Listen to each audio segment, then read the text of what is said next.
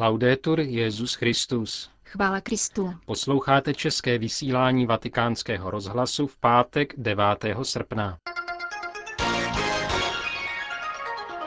Krátké zprávy a homílii otce Richarda Čemuse k 19. neděli v mezidobí uslyšíte v našem dnešním vysílání, ke kterému přejí hezký poslech Petr Havlíček a Jana Gruberová. Zprávy vatikánského rozhlasu.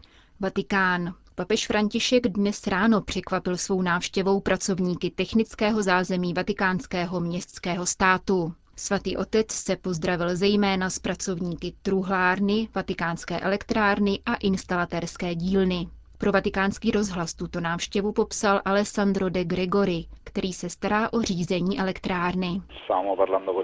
Ráno jsme se v práci na našem oddělení bavili a najednou jsme viděli přijíždět malé auto. Díváme se na ně a říkáme, to snad není možné, to vypadá jako papež. A skutečně to papež byl spolu s doprovodem. Byla to návštěva, kterou jsme si přáli. Během mých deseti let, co jsem tu zaměstnán, se mi to ještě nikdy nestalo. Sice jsme už jako ostatní zaměstnanci měli možnost být s papežem na raním ši v domě svaté Marty. Toto ale bylo milé překvapení. Zejména fakt, že papež nyní přišel za námi a ne my za ním. Pobyl s námi asi pět minut, protože se pak šel podívat ještě na další oddělení. Ptal se nás na naše povinnosti a na to, co máme na starosti. Řekl o návštěvě papeže Františka ve vatikánské elektrárně Alessandro de Gregori. Vatikán. Den po zveřejnění papežského dokumentu, který rozšiřuje pravomoc Vatikánského dozorčího finančního úřadu na všechny finanční instituce svatého stolce, přináší dnes italský list La Repubblica rozhovor s ředitelem tohoto úřadu. René Brilhart potvrzuje, že oproti loňským šesti odhaleným podezřelým finančním transakcím jejich počet letos podstatně vzrostl. Pro švýcarského právníka to značí, že vatikánský kontrolní systém konečně začíná fungovat.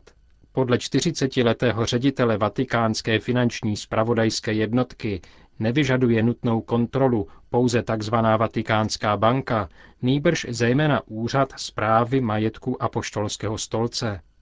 Jeho zaměstnanec, vyšetřovaný monsignor Nuncio Scarano, v účetnictví úřadu vytvořil mechanismus interního praní špinavých peněz.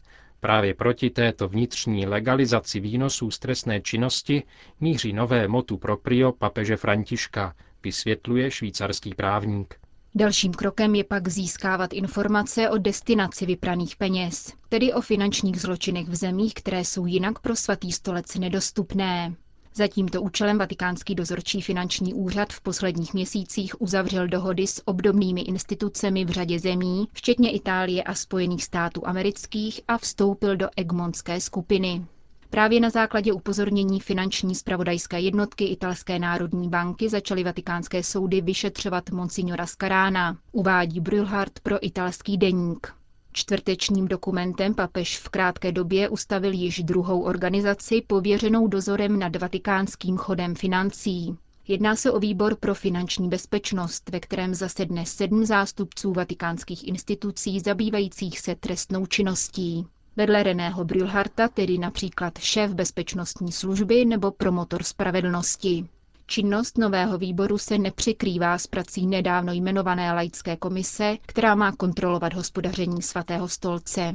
Cíl dozorčího finančního úřadu i obou nových celků je jediný. Dospět k takovému finančnímu systému svatého stolce, který by pracoval vždy a pouze pro dobro církve a ve shodě s mezinárodními standardy. Uzavírá René Brülhart v rozhovoru pro italský deník. Itálie. Čau, Mikéle, tady papež František. Tato slova ve středu zaslechl na druhém konci telefonní linky obyvatel jaderského přístavního města Pesaro Michele Ferri. 40-letý Michele je již léta upoután na invalidní vozík.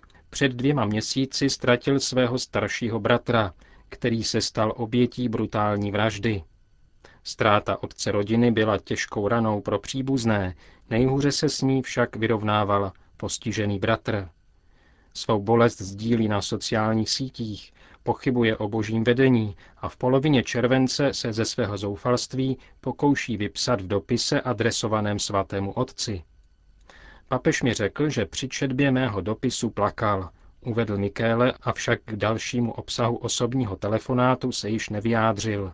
Dnešní vydání listu Il Messaggero doplňuje, že svatý otec rozmlouval také s matkou obou bratří. Další z celé řady obdobných gest dokazuje, že papež František čte dopisy obyčejných lidí.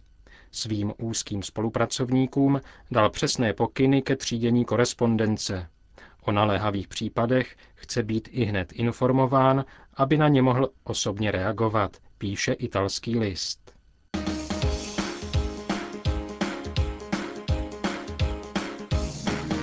Může si křesťan jen tak ležet na lehátku? Takový název dal otec Richard Čemus svého mílí k nadcházející neděli. Teploměr ukazuje 35 stupňů Celzia a člověku se nechce dělat nic, než ležet ve stínu na lehátku. Jak se v takovém vedru dá vůbec filozofovat? Ptal jsem se ještě jako gymnazista Karla Vrány, který dlouhá léta přednášel filozofii v Beneventu na jihu Itálie. Budeš se divit, ale horko je kolébka filozofie, řekl usměvavý filozof. Člověku se nechce dělat nic, než právě jenom myslet. Smí ale křesťan trávit letní čas pouhým filozofováním? Tane mi na mysli Marxův výrok. Dost dlouho filozofové interpretovali svět, teď jde o to změnit ho. O co víc chtějí změnit svět křesťané. Mohou si pak ale dovolit ležet na lehátku ve stínu? Vždyť boží království se blíží a čas se krátí. Při četbě Evangelia z této neděle by se člověk mohl domnívat, že křesťan a relax nejdou dohromady. Jakkoliv kniha Genesis hovoří o tom, že stvořitel sedmého dne odpočíval. Perikopa je totiž se skupením obrazů a podobenství se společným cílem. Postavit do protikladu stálou bdělost na jedné straně a bezstarostné polehávání na straně druhé, které se člověku může i vymstít. Pak by ale křesťanství nebylo terapeutické náboženství, ale líheň nevrotiků. V paměti se mi vynoří dvoumetrová postava Briana z Kalifornie, bývalého amerického Marine, to je vojáka námořní pěchoty. V době, kdy jsme se v Římě potkali, byl jezuitský skolastik. A ten jednou prohodil. V Kalifornii jsem potkal jednoho Čecha. S naší partou jsme ho vzali sebou na pláž. Všichni leželi rozvalení na lehátkách, jen on stále nervózně kde si pobíhal, co si scháněl, komentoval, chválil, kritizoval. No prostě hrůza. Ten člověk vůbec neuměl relaxovat. Zakončil Brian svůj postřeh s gestem soucitu s oním nešťastníkem z české kotliny. Jak to vidí evangelium? Ježíš řekl svým učedníkům, mějte bedra přepásána a vaše lampy ať hoří, abyste se podobali lidem, kteří čekají na svého pána, až se vrátí ze svatby, aby mu hned otevřeli, když přijde a zatluče. Blahoslavení služebníci, které pán při svém příchodu najde, jak bdí. Amen, pravím vám, přepáše se, pozve je ke stolu, bude chodit od jednoho k druhému a obsluhovat je. A když přijde po půlnoci nebo při rozednění a nalezne je tak, jsou blahoslaveni. Uvažte tohle. Kdyby hospodář věděl, v kterou hodinu přijde zloděj, nenechal by ho prokopat se do domu. I vy buďte připraveni, neboť syn člověka přijde v hodinu, kdy se nenadějete. Jakoby se za dva tisíce let nic nezměnilo. V Itálii se nejvíc vykrádají byty na vrcholu léta, když všichni odjeli na prázdniny a jsou někde na pláži.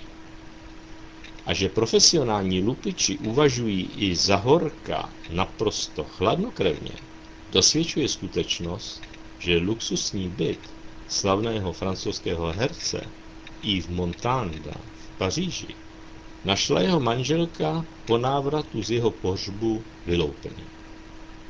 Bylo by asi pustým cynismem přednést jí, co říkávala moje babička blahé paměti. Blaze tomu, kdo nic nemá. Nestará se, kam to schová. Směle lehne, směle stane, nikdo mu nic neukradne. Je to milé, ba dojemné, jen žít se podle toho nedá. Vždyť i babička sama se tím neřídila. Jen kdo učinil příslušná opatření, může bezstarostně ležet na pláži na lehátku.